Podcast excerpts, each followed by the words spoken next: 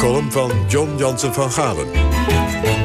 Wanneer ik als kind hoorde dat het kabinet gevallen was, overviel mij een onbestemd gevoel van angst. Nu was er niemand meer die voor ons zorgde.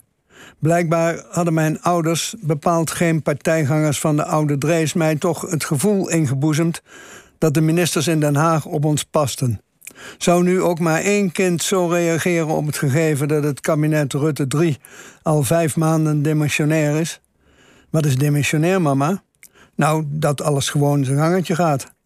Daarna kreeg je de kabinetsformatie met af en toe signalen uit de radio.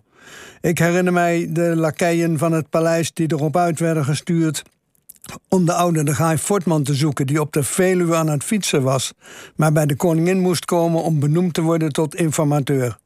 En ik herinner mij hoe de jonge Drees met zijn toepetje overgehaald moest worden om het kabinet Biesheuvel mogelijk te maken. Een vijfpartijenkabinet, ook toen al. Trouwens, het daaropvolgende roemruchte kabinet Den Uyl was ook een vijfpartijenkabinet, met die oude gaai nu als minister en zijn zoon Bas als fractieleider in de coalitie, aanvoerder van een politieke partij Radicalen, ook al lang verdwenen en verzwolgen door GroenLinks. Is er sindsdien veel veranderd? Die vraag is meestal bedoeld als opmaat voor een ontkennend antwoord, maar ik denk toch van wel. Toen ik acht was, voerde de VVD campagne onder het motto: Het roer moet om. In Indonesië wel te verstaan. Ze boekte winst. Ging het roer dus om? Wel nee. De liberale minister Stikker trad keurig in het voetspoor van zijn voorgangers, tot woede van zijn eigen partijleider Pieter Oud. Later, in de jaren 50, ging het telkens over bezitsvorming. De katholieken waren ervoor, dan kreeg je krachtige Roomse gezinnen. De socialisten waren er tegen, want het tastte de strijdbaarheid van de arbeiders aan. De kwestie werd nooit beslecht, want na de verkiezingen moesten ze het met elkaar op een akkoordje gooien.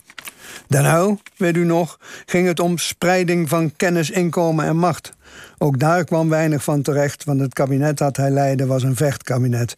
Maar er was tenminste een debat gevoerd, ideologische tegenstellingen waren uitgevochten, de inzet van het politiek bedrijf was inhoudelijk en duidelijk.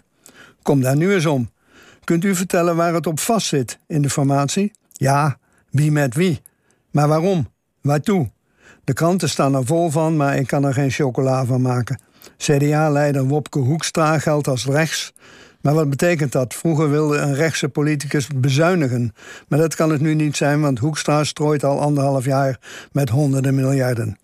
Was het vroeger dan beter, opa? In zekere zin wel, jongen. Toen stonden partijen bij verkiezingen tegenover elkaar op basis van botsende visies op de toekomst van de samenleving.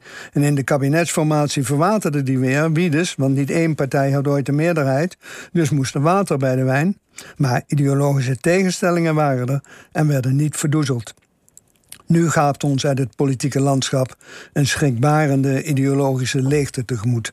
Waarin Mark Rutte, die zo'n uitgesproken hekel heeft aan ideologie, vanzelf de zegepraal boekt.